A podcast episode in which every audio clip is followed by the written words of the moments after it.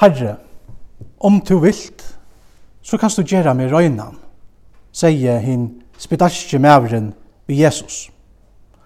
Og Jesus verre jeg, jeg vil, vi røyner. Og vi tar saman verre fruskur, og et størst ontor hente, henta dagen og lovnum tja hinnom spedalska mannen. Og hette her ondre pøykar av Jesu omsorgan og kærløyga bæge til henta mannen og til öll menneskje. Øysen i okkon. Jesus hever øysen i omsorgan og kærløyga til okkon. Og i grunnene sier han det samme vi okkon, tatt det snur seg om øyna sjoko som vi teva, og som öll menneskje heva, og som er nekv møyra alvarsom enn nøkker likamlig sjuka nekker han til kavera, nemlig sinta sjukan. Hentan sinten, som ger skillna mellan okkon og okkara skapare, og som ber glætan við sær om vi ikkje vera rønsa fra sintene. Vi da lyser til i alvarsomme årene i det øsne i dagsens tekste. Men røykjesesbøten skulle være kort ut i myskre fyrir i åttan. Her skal være grattor og tannagrusl. Men hesa lagt nå vil Jesus, Jesus frelse okken undan. Og tog sier han òsne vi te og me, jeg vil rønsa te fra sint. Men vilja vit vera rønsa, vilja vit vera frusk, tata snur seg om hessa sjukna. Vilja vit koma til Jesus lukka som hinn spedalske mævren og sia, Herre, om du vilt, så kanst du rønsa meg fra munne sint vilja vi hava Jesus inn i okkara liv og i okkara hjørst. Så at han kan rønse okkur fra hese, alvarsom og syndasjukne. Det er han brennande spurningren. God er ein kærleikans god, og han elskar kvenn øynstekan av okkon vi øynon av endalion kærleika. Og vek, vekna gods av endalia kærleika, jauar er snir spurningren nu øysne til okkon her og i det sier vi okkon. Jeg vil, men vil to. God er jo ahoaur i at frelsa sin eskaja skapning. Han er ahoaur bæg i okkara likamlio og andlio hølso. Hetta sutja vi tfer etter fer i bøypnene. Jesus han sier vi hinn spedalska mannen, jeg vil, vi røyner. Og vi pappan tja hinn sjuka drønnsnån, sier Jesus, jeg skal komme og gjør han fruska. Slika omsorgan hei Jesus ta. Og slika omsorgan hever han øsne og i det. Tøy at Johanon er ikkje ombrøyting, etla omskiftingar skutje, så som det stendur i skriftene. Og tøy kunne vi øsne løyta at det er hins samme kærlagsfotle og omsorganarfotle Jesus som vi møtta Ta vit, lukka som herhavdingen, koma til Jesus vi okkara. Nei, hver hon, hon så er. Øysen ta, vi ta snur seg om sindina. Okkara størst og nei, og mest alvarsom og sjuko, kom vi luta av, at Jesus han sier vi okkon, jeg vil røtsa til, jeg vil gjera til fruskan. Og i bibelteksten verur Jesus sinnalega mal offre okkara eion. Jesus han sett seg i samband vid de mest vannleise menneskene. Mennesker som flest ånder kanskje hilde seg lengt bortstå fra. Og Jesus samtøy var dette her jo galtante, vi var ikke tøymon spedalsko. De var jo rikken ut ur samfellanon, og de skulle halda seg fyrir seg sjálvan. Om onker kom og tatt på, så skulle de råpa eurøynur, eurøynur, et eurøyn. Så er det at onken blei smittaur av hese her rævlig og sjukna.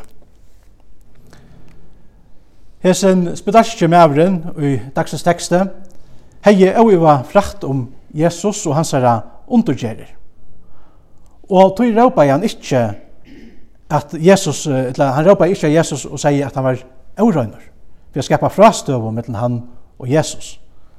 Nei, her at vi måtte komme han nå til Jesus, fall til gjerrar fyrir honom og sier vi han, Herre, om du vilt, så kanst du gjøre med røynan.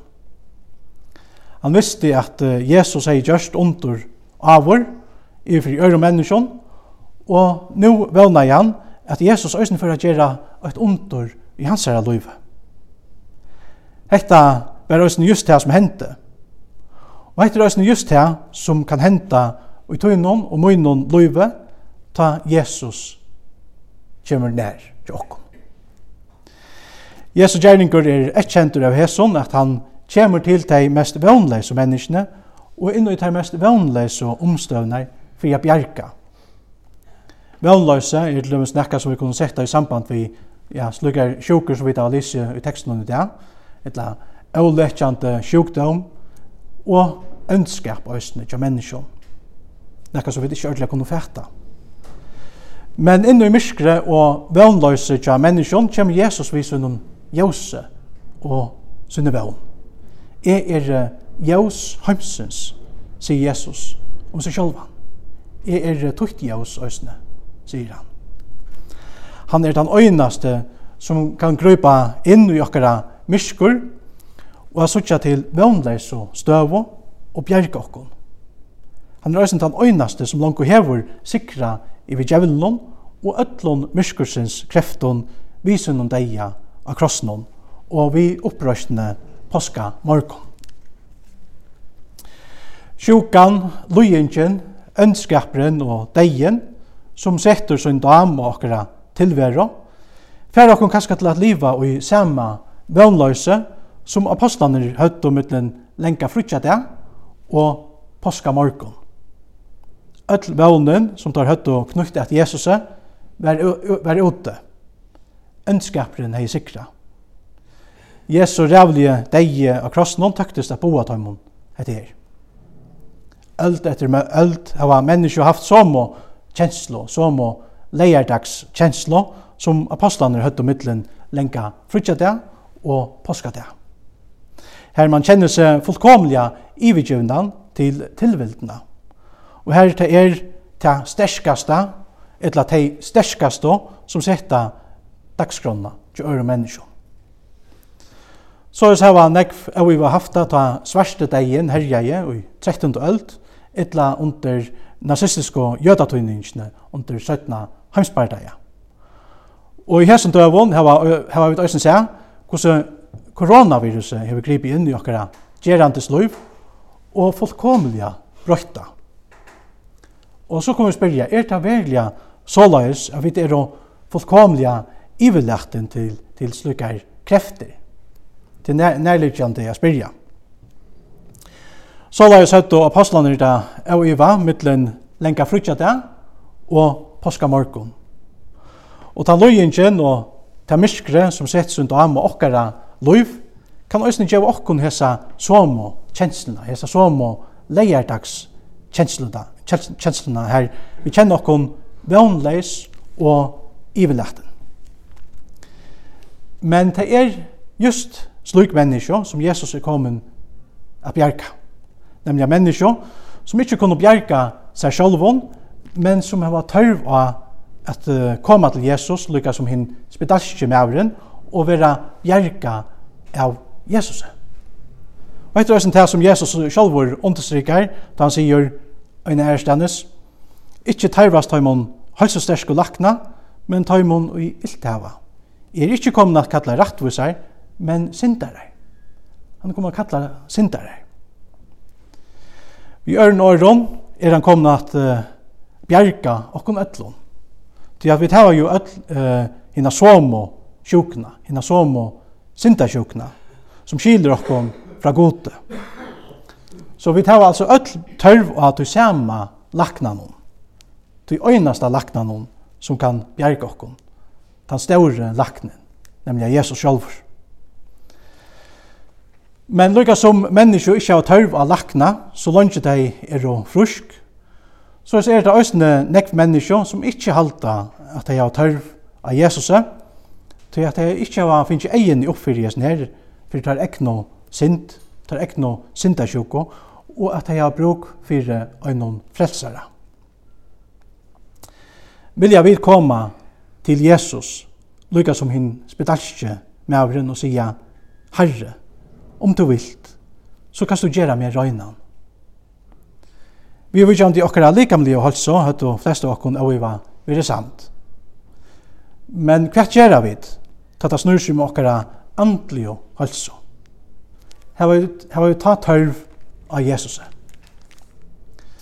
Hvordan sverar vi til Jesus ta han retter okkon syna bjergant i hånd og spyr okkon om vi vilja vera røyn, om vi vilja vera frusk. Det er jo bara hesen laknen som kan gjere okkon frusk fra syndasjukene og fylkene som kjemst av eh, hese sjukene, nemlig glætanen, som vi da har hørst om. Myskre for jottan. Og det er nekv, nekv verre enn et halvt mannaløyv vi likamligere sjuk glättande. Men hette just det som Jesus är kommen för att bjärka oss undan. Han vill nämligen bjärka oss till något som är oändliga nekvbäktor enn et halvt mannaløv utan løying och sjuk. Tøy er det ösne at han kommer til kvann øynstekan av okkon, vi er er spurningsnån. Vil du være røyner? Vil du være fruskur? Eller vil du være frusk?